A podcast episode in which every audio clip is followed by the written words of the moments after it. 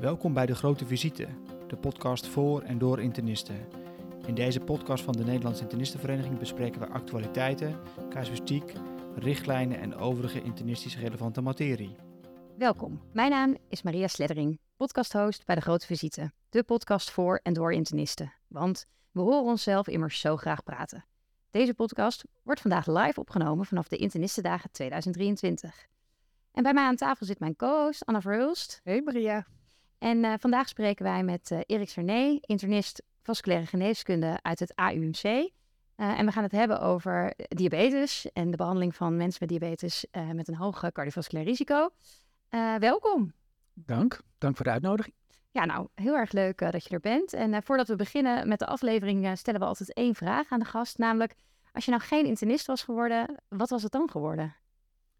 Ja, ik moet heel bekennen, dan uh, was de kans groot geworden dat ik gewoon een econoom was geworden. Want voordat ik uh, geneeskunde begon met uh, studeren, ben ik gestart als, nou ja, economie of de economieopleiding.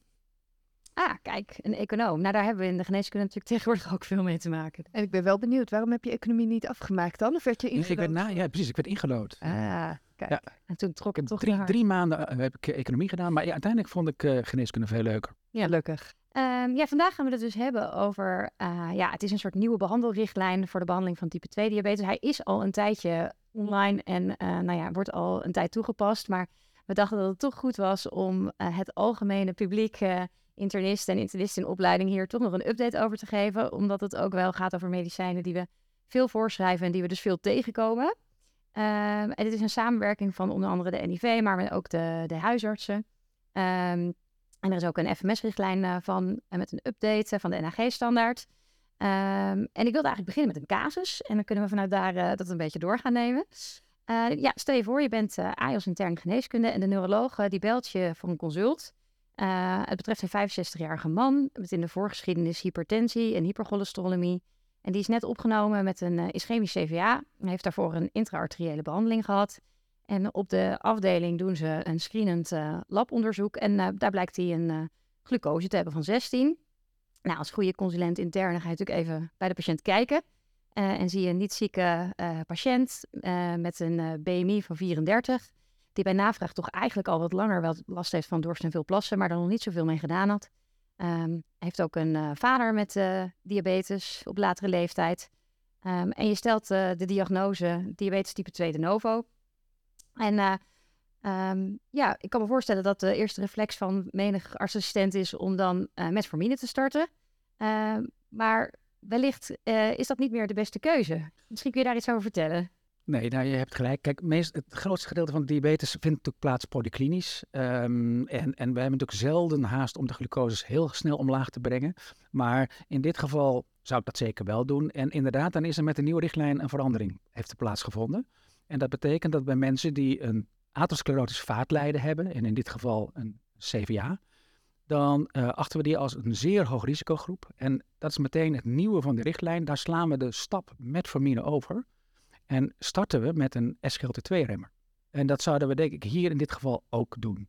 En um, we komen daar waarschijnlijk nog wel even op terug. En als er contra-indicaties zijn, zou eventueel een GLP-receptoragonist kunnen worden gestart. En je hebt het over zeer hoog risico. Kan je de, de groep die daaronder valt beschrijven? Want deze man had hypertensie en hypercholesterolemie al in de voorgeschiedenis. Was dat genoeg geweest of pas op het moment dat hij een event... Uh... Ja, dat klopt. Op, op dit moment is dat niet genoeg. Hè. Er, werden, er zijn drie groepen die worden gedefinieerd binnen de nieuwe richtlijn van mensen met diabetes en een zeer hoog risico. Dat zijn mensen met een doorgemaakte, eerder doorgemaakte hart- en vaatziekte. Waaronder dus beroerte, maar ook hartinfarct, perifere vaatlijden, zijn mensen met een verhoogd risico omdat ze chronische nierschade hebben. En als mensen een beetje de CADIGO-classificatie voor ogen hebben, dat, zijn die, dat is een kleurenkaartje die aangeeft op basis van de hoeveelheid albuminurie en hoe laag de EGFR is, hoe hoog het risico is. Dan zijn de mensen die in de rode en de oranje vlakken zitten van de CADIGO-classificatie, die hebben ook een zeer hoog risico. En die komen dus dan ook in aanmerking voor die nieuwe middelen. En dan hebben we nog een aparte categorie en dat is meer behandeling dan dat dat een, een, zeer hoog risicogroep is. Dat zijn de mensen met hartfalen. En tot nu toe staat daarin met een ejectiefractie onder de 40. Uh, eh, en misschien komen we daar straks ook nog op terug, maar inmiddels is de SGLT2 ook, uh, wordt die vergoed voor de indicatie HFpEF, dus de mensen met een behouden ejectiefractie. En die zou je dus eigenlijk, die gaan we waarschijnlijk toevoegen aan die richtlijn. Staat er nu nog niet in, maar gaan we waarschijnlijk veranderen. Ja, dus uh, we hebben een uh, diabetes de novo en we kijken even in dat rijtje, valt iemand dan wel of niet in zo'n hoog risicogroep? Daar komt het op neer, ja. En dan kiezen we dus voor een SGLT2. En hoe, hoe, hoe zijn we daar eigenlijk aan gekomen? Ja, als je kijkt in die verschillende risicogroepen, hoe doen die SGLT2-remmers het nou en hoe doen die GLP-receptoragonisten het nou, dan zitten er niet hele grote verschillen tussen die middelen. Um, als, als, het gaat om de mensen met uh, atherosclerotisch vaatlijden of eerder doorgemaakte hart- en vaatziekten, daar doet die GLP-1 receptoragonist daar net zo goed als de SGLT2 in het voorkomen van nieuwe problemen. Zoals sterfte, cardiovasculaire sterfte, uh, hartinfarcten. Um, als je gaat kijken naar de grote groep patiënten met die nierschade, geldt dat ook ongeveer. Doen ze ongeveer hetzelfde. Alleen als ze een gecombineerd probleem hebben, dus ze hebben en een nierprobleem en al eerder doorgemaakte hart- en vaatziekten, dan doet de SGLT2 het ietsje beter. En dat heeft waarschijnlijk te maken met het feit dat die SGLT2-remmers het met name ook beter doen op hartfalen en op nierproblemen, eindstadium nierfalen. En dat is in die groep mensen met die combinatie, zie je dat gewoon ook vaker. Dus het absolute risico daarop hoger. Nou ja, dus die nieuwe middelen, ja, dus we, we willen, wat we willen is natuurlijk hart- en vaatziekten voorkomen. Zeker. Dat is natuurlijk een van de hoogste doelen bij mensen met uh, diabetes. Um, en daar zijn deze middelen dan ook significant beter hè, dan wat we eerst deden. Zeker. Het is misschien belangrijk om even te noemen. Een van de belangrijkste redenen waarom we mensen met diabetes behandelen, is vooral ter voorkoming van complicaties. Enerzijds de acute complicaties, de hoge suikers, de lage glucosewaardes, die moet je voorkomen. Maar op de lange termijn natuurlijk vooral eigenlijk hart- en vaatziekten. Um, en dat doen we op verschillende manieren. En niet alleen met die nieuwe middelen.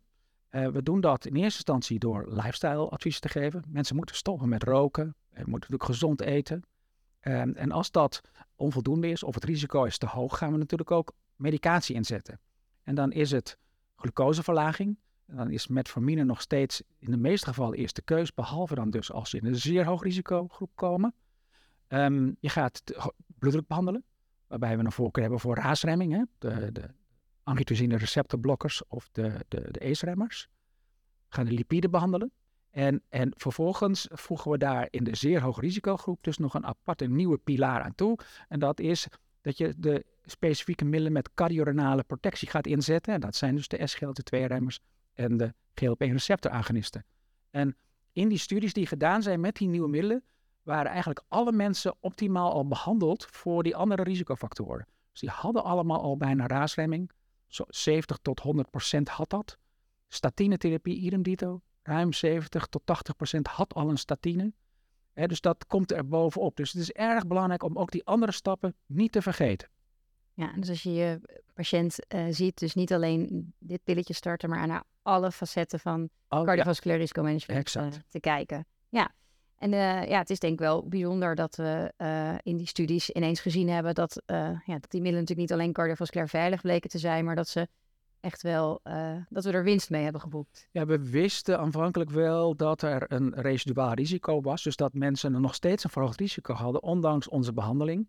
En er is lange tijd geprobeerd door bijvoorbeeld de glucosestreefwaarde lager te maken om te zien of dat dan zou helpen in het voorkomen van die uh, problemen. En het antwoord was eigenlijk heel teleurstellend. Nee, dat was niet het geval. En de eerste studie die heel erg belangrijk was uh, en die prospectief heeft gekeken of glucoseverlaging van belang was, was de UK-PDS. Die werd gepresenteerd in 1998. Uh, is al even geleden. Ja, dat ja. is al even geleden en dat, dat heb ik nog meegemaakt. Uh, en wat je toen merkte was dat als je het bloeddruk intensief behandelde en de glucose verlaagde, dan werd het beter. Je kon complicaties voorkomen. In die jaren daarna is gekeken, als ik het nou nog verder verlaag, werkt het dan ook? En toen kwam een beetje tot de conclusie dat in het begin, als je vroegtijdig begint met, met, met, met die behandeling van die glucose, dan kun je het voorkomen. Maar als je dat tien jaar later deed, en mensen hadden al wat complicaties, dan werkte het of averechts of niet. Ja. Um, uiteindelijk hebben we tot nou ja, zo'n beetje 2015 moeten wachten voordat weer de eerste middelen op de markt kwamen die daadwerkelijk iets deden op dit soort risico's. Uh, en dat werd toen ook ontvangen met een staande ovatie in, uh, tijdens het EASD-congres. Want uh, na alle teleurstellende trials daarvoor was er eindelijk eens een keertje positief nieuws te melden. Nou ja, met alle gevolgen van dien inmiddels. Want Daarom is de richtlijn nu ook aangepast. Nou Anna, ben jij al overtuigd om uh, tijdens je dienst uh, op een zaterdag uh, iemand aan een SGLT2 te helpen? Nou, de, de, de argumenten zijn behoorlijk overtuigend. Alleen ik ben ook altijd wel benieuwd naar de andere kant van de medaille. De bijwerking. Nou, de bijwerkingen en de contra-indicaties. Hè, bij welke mensen moeten we nou voorzichtig zijn? We hebben het natuurlijk net gehad als nierfunctiestoornissen als een van de hè, mogelijke criteria. Ik kan me ook voorstellen dat dat een beperking kan zijn. Ja. Um, nee, dat klopt. De, de, de SGLT2-remmers die werken natuurlijk vooral doordat je meer glucose gaat uitplassen. Het, het remt de pomp die normaal gesproken zorgt voor terugresorptie van glucose. En we hebben twee van die transporters, hè, de SGLT2 en, en de SGLT1. En die S, SGLT2 die die haalt 90% van de glucose terug in de proximale tubulus. En die 1 doet de rest in de distale tubulus, dus dan 10%. En wat we nu doen is we remmen die, waardoor je meer glucose verliest, maar ook natrium, zout. Um, dat is waarschijnlijk een van de redenen waarom dat gunstig is, want daarmee voorkomen we hyperperfusie in de nier. Um, en die, dat beschermt die nier, dat is voordelig. Maar je kunt je ook voorstellen natuurlijk dat als je meer osmotische diurese krijgt en meer uh, natrium en water verliest, dat je dat soms problemen kan geven. Wat je dus vaak ziet is dat de EGFR ietsje omlaag gaat. is niet erg, meestal is dat 10% ongeveer. Uh, en uh, wat je ziet is dat dat stabiliseert. en soms weer normaliseert ook zelfs. Controleer je dat altijd meteen na het starten? Of, nou, we, eigenlijk in de, in, we zeggen in de richtlijn nee, dat controleren we niet, omdat je ziet het eigenlijk altijd en we doen daar eigenlijk niks mee. Maar dat, er zijn natuurlijk uitzonderingen. Die uitzonderingen zijn vooral als mensen door bijvoorbeeld diuretica gebruik of oudere mensen die meer kans hebben op uitdroging, die moet je natuurlijk wel in de gaten houden. Dus je moet af en toe denken, hé, hey, deze persoon zou dat wel eens een probleem kunnen opleveren. Mensen die ook al ernstige nierfunctiestoornissen hebben, ja, dan wil je toch even iets beter weten wat gebeurt er nu. He, dus ook misschien omgekeerd als je een patiënt opneemt die een SGLT2-remmer gebruikt en klinisch gedehydreerd is of septisch, dan is een SGLT2-remmer dus een middel dat je altijd Stop. onderbreekt. Ja, ja, absoluut. absoluut. Je, je stopt het. Nou ja, de sick days wordt het ook wel genoemd. Hè? Maar inderdaad, in, in tijden dat er uh, uitdroging kan optreden. En een andere reden waarom je dat overigens ook doet, is, is het hele kleine risico op ketoacidose is licht verhoogd bij mensen met een SGLT2-remmer.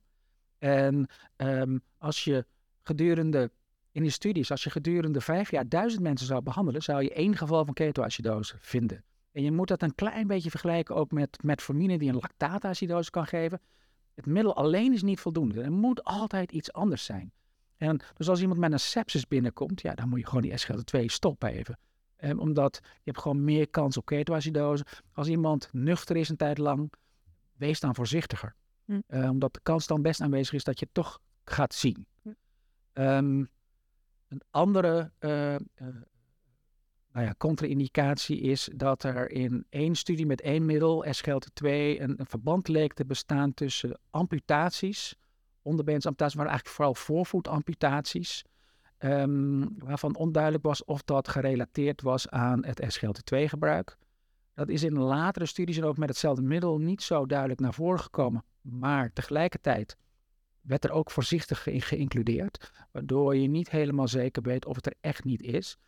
En dat is ook de reden waarom de richtlijn daarin voorzichtiger is. Die zegt, als de spirivaatlijden is geen contra-indicatie, maar als er een ulcus is, of er ontstaat een, een ulcus, en we kunnen vaak het neurogeen, het neuropathisch ulcus en het, en het zeg maar ischemisch ulcus niet goed uit elkaar houden, dan moet je de SGLT2 stoppen. En ook definitief? Of mag je het dan bij genezen? Nou, als het, als het genezen is en het is allemaal weer stabiel en de vaten zijn gewoon weer, nou ja, of er is amputatie of er is een, uh, uiteindelijk is de vaten zijn hersteld, ze hebben een bijpas gelegd of gedotterd, dan mag je het feitelijk weer herstarten.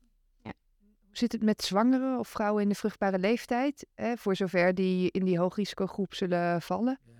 Niet, omdat we daar, daar is gewoon geen ervaring mee. En voor elk nieuw middel geldt dat eigenlijk. En dat geldt ook voor deze middelen. Dus dat stop je. Ja, nou veel geleerd al. Misschien nog leuk om een, uh, een casus uh, te doen. Overigens nog één, één ding. Ja. Inderdaad is dan, je had het over de bijwerkingen. Ook weer, als je gedurende vijf jaar die duizend mensen behandelt, dan zie je bij die SGLT2 vaker een candida-infectie. Um, en uh, dat is ongeveer 250 mensen, 250 mensen meer die je dan ziet. met die candida-infectie die over het algemeen goed te behandelen is. Um, Genitale candida heb je het over dan, hè? Ja, genitale candida. Ja, zeker. Ja, en ehm, je ziet niet zozeer meer bacteriële infecties. Dat was aanvankelijk de gedachte, maar dat is niet zo. Maar je kunt je voorstellen als het een ernstig uit de hand gelopen candida-infectie is, dat dat wel problemen kan geven.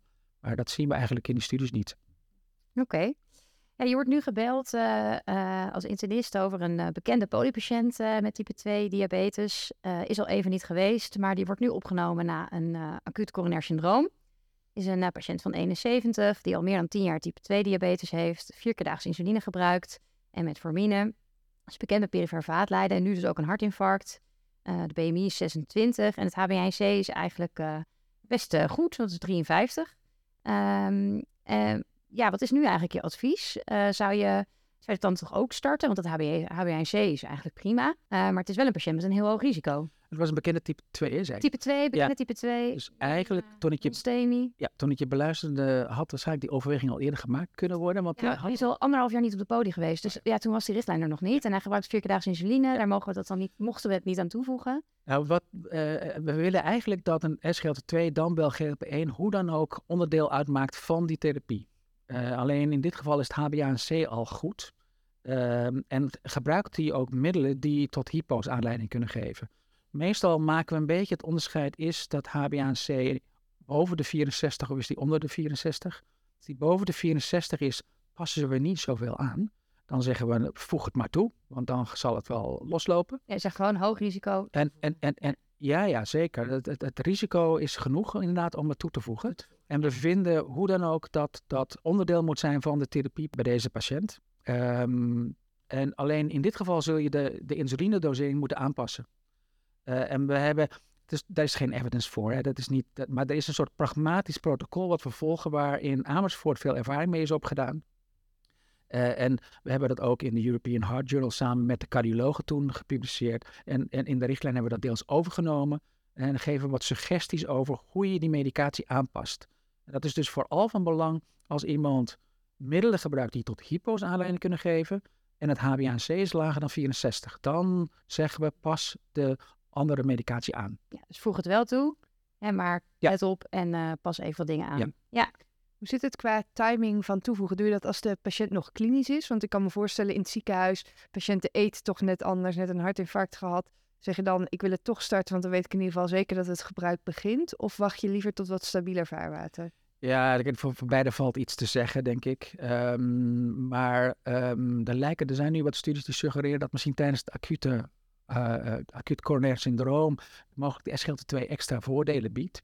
Uh, dat zou een indicatie kunnen zijn of een reden kunnen zijn om het wel te doen. Heel duidelijk zijn we daar in de richtlijn niet over. Um, en ik denk ook niet dat het heel erg is om een aantal dagen te wachten. Maar als je het daardoor vergeet, is het wel heel erg jammer. Ja, deze meneer was natuurlijk al anderhalf jaar niet op de podium geweest. Dus best wel zonde als je hem weer anderhalf jaar uit het oog uh, verliest. Ondanks een goede HbA1c.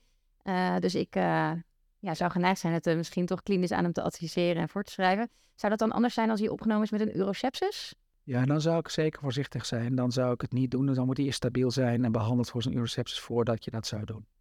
Ja. Dat, dat heeft deels te maken met die ketoacidose. Ik denk dat dat, dan ben je toch voorzichtiger. En niet zozeer met de urineweginfecties. Hè? Want je zei al even, de kans op bacteriële infecties, daar waren we in het begin wat bang voor. Ja, maar dat Urineweginfecties door bacteriën. Ja. En dat is dus geen, uh, geen contra-indicatie uh, geworden. Um, Oké, dus we hebben best een grote groep, denk ik, aan mensen bij wie we dat, dit kunnen geven. Ja. wordt het verder goed verdragen, vind jij, in, de, in de praktijk? Ja, je hoort wisselende berichten. Ik moet zeggen, de patiënten die ik het voorschrijf, die klagen niet heel erg. Wat je wel ziet is dat het, als het HbA1c hoger is, dat ze meer plassen. En soms klagen ze daar ook daadwerkelijk over. Dus zeg ik, we plassen, moeten veel meer plassen. Ook s'nachts moet ik vaker uit bed om te plassen. Vaak is het wel zo dat als je dan de, het HbA1c wat verder verlaagt en het glucose wordt beter gereguleerd, dat dat toch minder is geworden. Um, maar uh, ik begrijp, want ik geef af en toe wel eens nascholingen voor huisartsen, dan hoor ik dit toch wel degelijk terug, dat dit soms een probleem is. Ja, kijk, als er belangrijke contra-indicaties zijn voor SGLT2 of het wordt toch niet goed verdragen, dan heb je in principe dus de GLP-1-receptoragonist als eventueel alternatief. Uh, en dat is soms ook een reden waarom mensen uiteindelijk toch starten met die GLP-1-receptoragonist. In de meeste gevallen dus net zo effectief. Niet bij hartfalen overigens, maar wel bij de andere indicaties.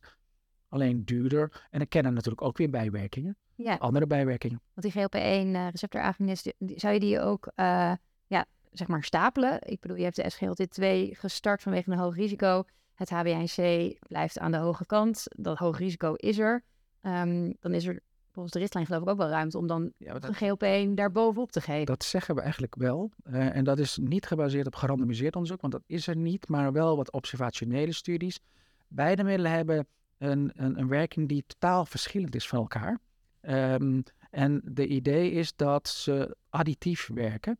En er zijn ook wel wat aanwijzingen, maar dat zijn observationele studies met veel bias natuurlijk. Althans, dat is het gevaar van dat soort studies. Maar die suggereren daadwerkelijk dat als je ze combineert, je minder complicaties ziet. En dat is de reden ook waarom we in de richtlijn zeggen dat als je eh, als iemand met de SGLT2 is begonnen en haalt niet zijn HbA1c streefwaarde, zoals die is afgesproken, dan voeg je metformine toe en daarna de GLP-1 receptoragonist.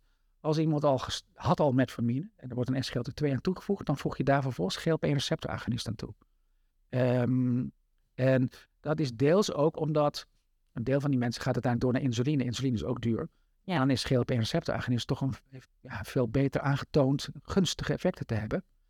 Eh, en tot nu toe is er geen reden om aan te nemen dat, dat, dat de gunstige effecten van elkaar worden opgeheven of zo. Of dat je het niet ziet. En eh, die GLP-receptor-agonist voor niet weet, wat zijn daar de belangrijkste bijwerkingen van? Ja, de belangrijkste bijwerking is gastrointestinaal. Dat komt ook uit die meta-analyse. eh, dat je daar gewoon meer mensen ziet die misselijkheid hebben. eh, maar ook soms obstipatie, soms wat meer diarreeklachten. Ehm, en dat kan een, redelijk zijn, een reden zijn, die misselijkheid vooral, om het te stoppen. Hm, ja. Maar meestal als je het opbouwt, valt dat ook wel mee. En met goede instructies heb ik meestal de ervaring. Je maagontlediging wordt vertraagd. En als je dan gewoon tegen mensen zegt dat ze halve porties moeten eten, dan heeft dat voor meerdere Nee. redenen een gunstig effect. Nee, het is heel grappig dat je dat zegt. Dan inderdaad, wat het eten maakt uit. En mensen zeggen ook wel, als ik het vette eten een beetje vermijd, dan heb ik minder klachten. En nou ja, dat is een gunstige bijwerking in dit geval. En dus dat versterk ik ook vaak wel. Dat vertel ik ze ook. En kan de GLP-1 ook al door de huisarts in de eerste lijn worden voorgeschreven? Of is dat... eh, Zeker. ja. Zeker. Ja, eigenlijk is deze richtlijn helemaal met de huisarts. Hè. Ze hebben hetzelfde stappenplan. Dus Ja. zij mogen in principe al deze Ja. stappen ook doen. Ja, En wat misschien nog een belangrijke is, is dat die, die eh, GLP-1 receptoragonisten mocht je natuurlijk aanvankelijk alleen op basis bij, bij mensen met een body mass index boven de 30 voorschrijven. Als je het vanwege deze indicatie voorschrijft, dan maakt de body mass index niet meer uit.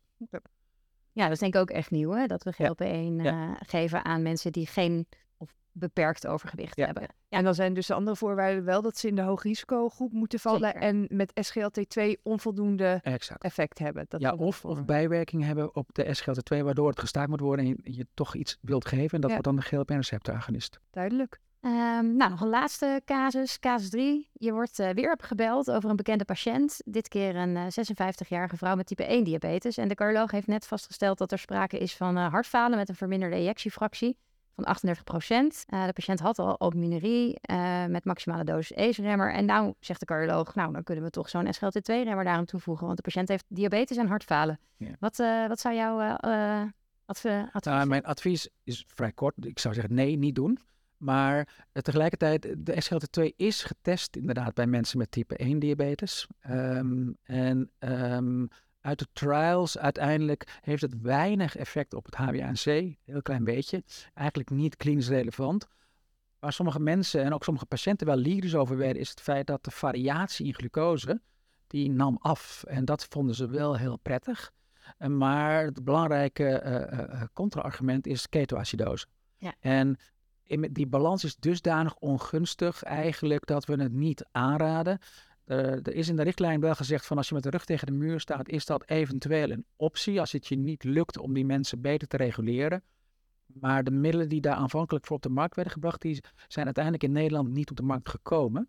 Eh, dat betekent als je nu een SGLT2 bij een type 1 patiënt wil voorschrijven, dat je off-label voorschrijft.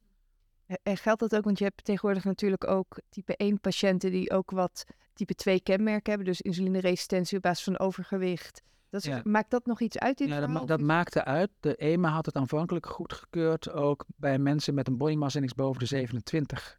De gedachte was inderdaad dat dat een groepje mensen was die wat insulineresistenter was. Ehm, en die mensen gebruiken over het algemeen ook wat meer insuline. En dus zouden ze daardoor beschermd zijn, meer beschermd zijn tegen ketoacidose. Maar conclusie, geen Nee, SGLT2 is bij type ik- 1 diabetes. Nee. Voor de GLP-1 ligt dat waarschijnlijk iets anders. Ja. Eh, nou ja, je merkt het nu. Er is, ehm de, het is natuurlijk de, de, de, de GLP-receptoragonisten worden nu ook voor de obesitas ingezet. Daar zijn type 2 diabetespatiënten gek genoeg uitgesloten. Die mogen het niet, eh daar wordt het niet voor vergoed. Hè? Ehm, maar de type 1 niet. Ehm, dus je ziet nu wel dat mensen die eh, een hoge body mass index hebben boven de 30 of hoger eh, en type 1 hebben, dat die toch aan de GLP-receptoragonisten worden eh, nou, geslingerd, wil ik niet zeggen, maar dat er gestart Ja. wordt. Ehm, In het kader van de obesitasbehandeling. ja, en, en, en, en Ja. overigens op studie, er zijn wel studies naar gedaan en daar lijkt het in ieder geval op groepsniveau op type 1 niet zoveel te doen. Maar als je daarmee een deel van de insulineresistentie behandelt in obesitas, dan zijn er ook daar wel weer gunstige verhalen over die de ronde doen. Ehm, en ik sta ook wel ervaring daarmee dat eh, iemand die ik nooit goed geregeld krijgt, die nu een GLP-receptoragonist naast gebruikt, die gaat hartstikke goed. Dus dat is misschien nog eh, toekomstperspectief. Heb je nog andere voorspellingen voor de toekomst? Ja, hij is alweer anderhalf jaar oud, hè, die richtlijnen. En in de tussentijd zijn er dus nieuwe data bijgekomen. Eentje hebben we net al genoemd, dat is de HEFPEF-indicatie. Die, eh, die gaat komen. Tegelijkertijd, deze richtlijn ging vooral over glucoseverlaging. Maar goed, we noemden de HEFREF-populatie ook. En je zou dat dus nu kunnen uitbreiden naar HEFPEF. Ehm, wat, wat op dit moment ook nog steeds in de richtlijn staat, is het feit dat het eh HbA1c speelt nog steeds een rol. Ehm, en dat is dat we eigenlijk pas deze middelen starten als het HbA1c boven de 53 is. Maar inmiddels weten we natuurlijk dat die SGLT2's ook remmen, die SGLT2-remmers, ook werken bij mensen die helemaal geen diabetes hebben. Ja, Dus waarom zou je dan de lat bij mensen met diabetes hoger leggen? Dus dat is iets wat eigenlijk we ook veranderd willen hebben en dat dat onafhankelijk is van het HbA1c. Ehm, een ander ding is dat nu de SGLT2 moet worden gestart boven een E EGFR van 30. Als hij er daarna onderzakt, dat maakt niet uit, dan mag je doorgaan. Maar ook daar zijn inmiddels alweer studies van, althans empagliflozine onder andere, hebben ze een EGFR van 20. Ehm eh, dapagliflozine eh, EGFR van 25. En de Cadigo, eh, de richtlijn, een soort internationale nefropathie-richtlijn, nefrologenrichtlijn, die houdt ook een EGFR van 20 aan. Dus eigenlijk is dat ook iets wat we graag veranderd zouden willen zien. Ja, en dat is denk ik van ja, en, en een andere die wat work in progress is, is dat deze middelen zijn in staat om ook tot primaire preventie. En je snapt dat de needed to treat is hoger. Hè? Je moet meer mensen behandelen om het gunstige effect te zien. Maar ook die needed to treat lijkt voor mensen die een, niet een zeer hoog risico hebben, ook niet een zeer laag risico, maar die daar ergens tussenin hangen, omdat ze meerdere risicofactoren hebben, lijken deze middelen ook te werken in het kader van primaire preventie. dat is casus 1, maar dan voordat hij zijn Exact, krijgt. Ja. En dat is wel heel mooi. Eh, dus dat is ook work in progress, hoe je dat dan handen en voeten geeft. Nou ja, daar spelen de kosten natuurlijk ook een belangrijke rol. En de winst die je kunt behalen. En doet het, doet het nog wat op de bloeddruk, SGLT2? Want het is natuurlijk een soort diureticum. Zou je het nog, hè, als je vooruit fantaseert, bij mensen met hypertensie kunnen inzetten? Het doet iets op bloeddruk. Het, het verlaagt de bloeddruk. Gemiddeld genomen zo'n 3 mm kwik. Ja. Ehm, maar ehm, bij sommige mensen misschien wel meer. Ehm, aanvankelijk, dat is er uiteindelijk niet uitgekomen. Maar SGLT2 doet heel weinig op het voorkomen van beroertes. De GLP-receptoragonisten wel. Die voorkomen beroertes. Ehm, en de, de gedachte aanvankelijk was dat, dat dat misschien kwam doordat de bloeddrukdaling te snel optrad. Waardoor dat bij sommige mensen ongunstig zou zijn. Ehm, nou ja, dat, is niet, dat is niet met zekerheid te zeggen. En als je gaat kijken naar post-hoc analyses die gedaan zijn, van maakt het nou uit als je al eerder een CVA hebt doorgemaakt? Is dan de SGLT2 minder effectief of is de GLP-receptoragonist dan af- eh, effectiever? Het antwoord is nee. Dus we kunnen op dit moment nog niet die mensen eruit halen die het misschien beter zouden doen op die SGLT2 of misschien beter op de GLP-receptoragonist. Oké, nou volgens mij hebben we veel geleerd eh, en hebben we eh, ook nog eh, hoop voor de toekomst. Eh, dankjewel voor de komst hier naar studio. Ehm dankjewel voor het luisteren naar deze aflevering van De Grote Visite, een podcast van de Nederlandse Internistenvereniging. Wil je weten wie deze podcast maken? Kijk dan op www.degrotevisite.nl om kennis te maken met onze podcastredactie. De technische productie van deze podcast is in handen van Met Online. Abonneer je op de grote visite via je favoriete podcastkanaal, zodat je geen aflevering mist. En deel deze podcast vooral ook met je collega's. En vond je het leuk om te luisteren? Geef ons dan een 5-sterren review, zodat we ook beter te vinden zijn voor andere luisteraars. Tot de volgende keer!